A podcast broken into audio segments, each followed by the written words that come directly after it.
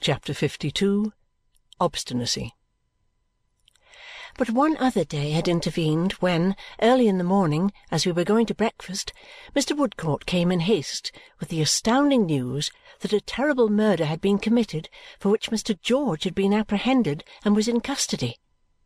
When he told us that a large reward was offered by Sir Leicester Dedlock for the murderer's apprehension, I did not, in my first consternation, understand why, but a few more words explained to me that the murdered person was Sir Leicester's lawyer, and immediately my mother's dread of him rushed into my remembrance. This unforeseen and violent removal of one whom she had long watched and distrusted, and who had long watched and distrusted her one for whom she could have had few intervals of kindness, always dreading in him a dangerous and secret enemy, appeared so awful that my first thoughts were of her. How appalling to hear of such a death and be able to feel no pity! How dreadful to remember, perhaps, that she had sometimes even wished the old man away who was so swiftly hurried out of life! Such crowding reflections increasing the distress and fear I always felt when the name was mentioned, made me so agitated that I could scarcely hold my place at the table. I was quite unable to follow the conversation until I had had a little time to recover.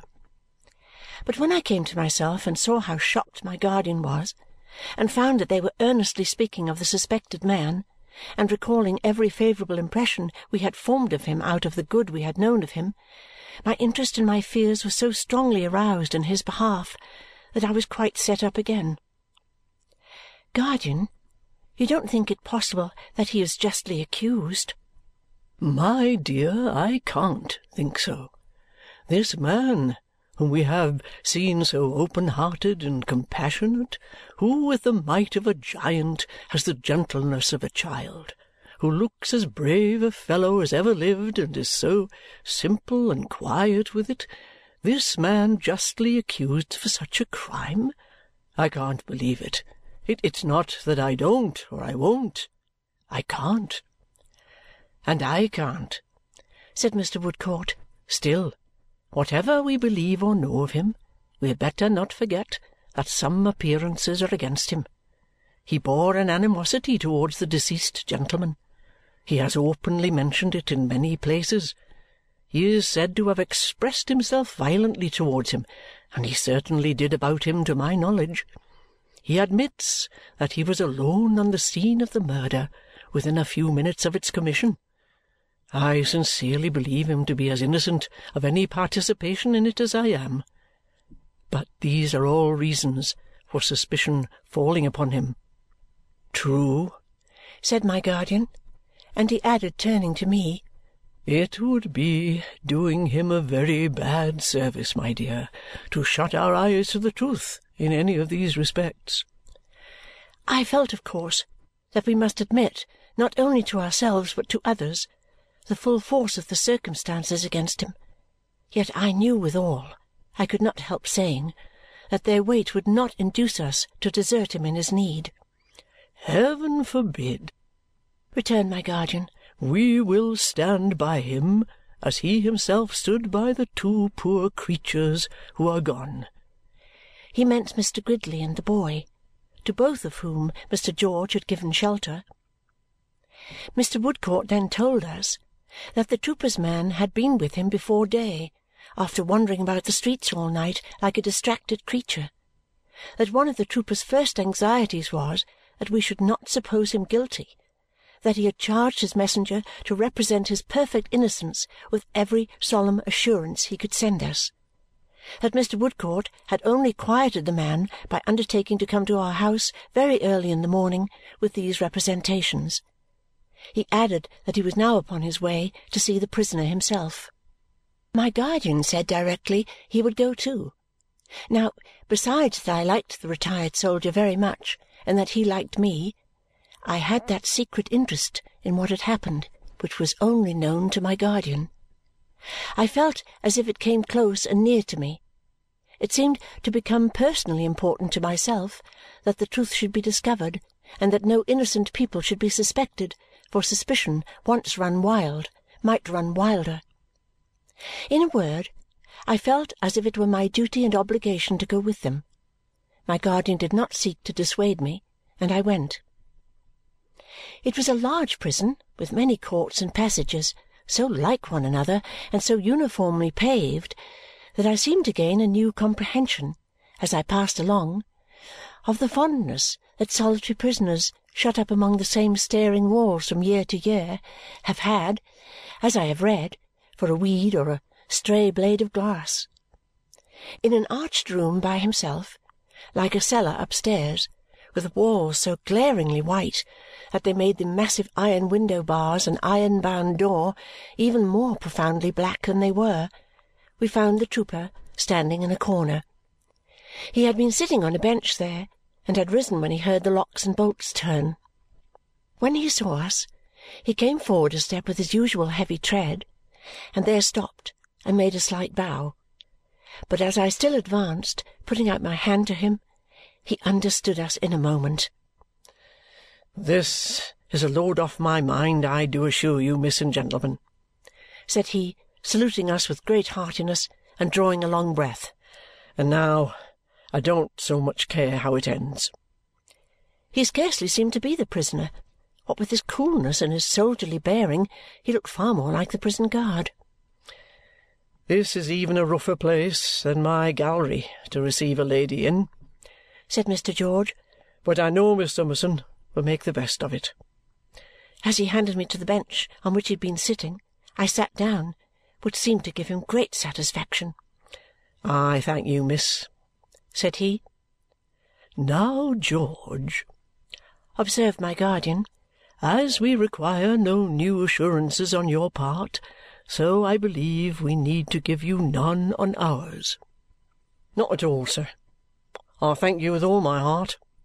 If I was not innocent of this crime, I couldn't look at you and keep my secret to myself under the condescension of the present visit. I feel the present visit very much. I am not one of the eloquent sort, but I feel it, Miss Summerson and gentlemen, deeply." He laid his hand for a moment on his broad chest and bent his head to us. Although he squared himself again directly, he expressed a great amount of natural emotion by these simple means. "First," said my guardian, "can we do anything for your personal comfort, George?" "For which, sir?" He inquired, clearing his throat. "For your personal comfort. Is there anything you want that would lessen the hardship of this confinement?" "Well, sir," replied George after a little cogitation, "I am equally obliged to you, but tobacco being against the rules, I can't say that there is." "You will think of many little things perhaps by and by. Whenever you do, George, let us know." "Thank you, sir. Howsoever," observed Mr. George with one of his sunburnt smiles, "a man who has been knocking about the world in a vagabond kind of a way as long as I have gets on well enough in a place like the present so far as that goes. Next, as to your case," observed my guardian. "Exactly so, sir," returned Mr. George, folding his arms upon his breast with perfect self possession and a little curiosity. "How does it stand now?" "Why, sir, it is under remand at present. Bucket gives me to understand that he will probably apply for a series of remands from time to time until the case is more complete. How it is to be made more complete, I don't myself see, but I dare say Bucket will manage it somehow." "Why, heaven save us, man!" exclaimed my guardian, surprised into his old oddity and vehemence. "You talk of yourself as if you were somebody else." "Oh, no offence, sir," said Mr. George. "I am very sensible of your kindness. But I don't see how an innocent man is to make up his mind to this kind of thing without knocking his head against the walls unless he takes it in that point of view." "That is true enough to a certain extent," returned my guardian, softened. "But, my good fellow, even an innocent man must take ordinary precautions to defend himself." "Certainly, sir, and I have done so. I have stated to the magistrates, 'Gentlemen, I am as innocent of this charge as yourselves. What has been stated against me in the way of facts is perfectly true. I know no more about it. I intend to continue stating that, sir. What more can I do? It's the truth.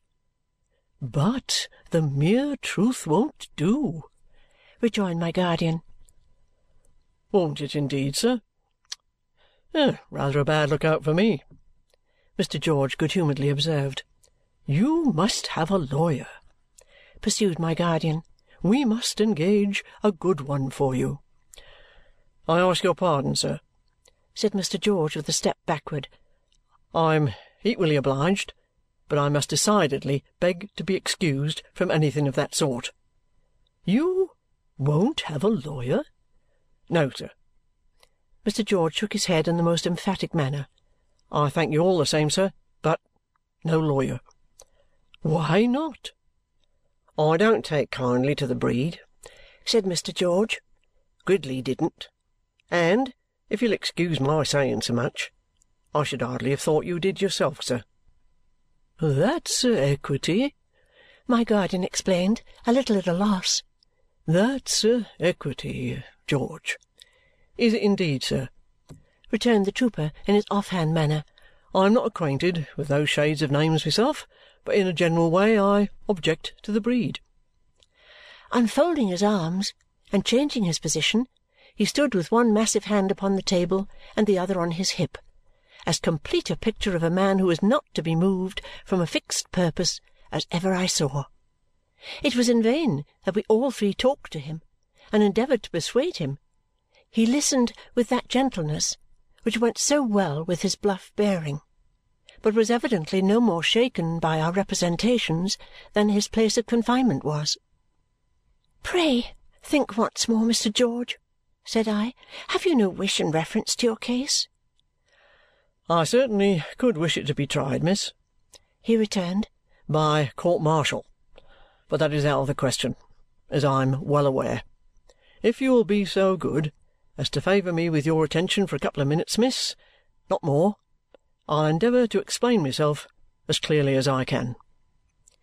He looked at us all three in turn, shook his head a little as if he were adjusting it in the stock and collar of a tight uniform, and after a moment's reflection went on. You see, miss, I have been handcuffed, and taken into custody, and brought here. I am marked and disgraced man, and here I am. My shooting gallery is rummaged, high and low, by Bucket. Such property as I have, 'tis small, is turned this way and that till it don't know itself, and, as aforesaid, here I am. I don't particularly complain of that Though I am in these present quarters through no immediately preceding fault of mine, I can very well understand that if I hadn't gone into the vagabond way in my youth, this wouldn't have happened. It has happened. Then comes the question how to meet it. He rubbed his swarthy forehead for a moment with a good-humoured look and said apologetically, I'm such a short-winded talker that I must think a bit. Having thought a bit, he looked up again and resumed. How to meet it. Now, the unfortunate deceased was himself a lawyer and had a pretty tight hold of me. I don't wish to rake up his ashes, but he had, what I should call, if he was living, a devil of a tight hold of me. I don't like his trade, the better for that. If I had kept clear of his trade, I should have kept outside this place, but that's not what I mean. Now, suppose I had killed him. Suppose I really had discharged into his body any one of those pistols recently fired off that Bucket has found at my place, and dear me, might have found there any day, since it has been my place. What should I have done? As soon as I was hard and fast here, got a lawyer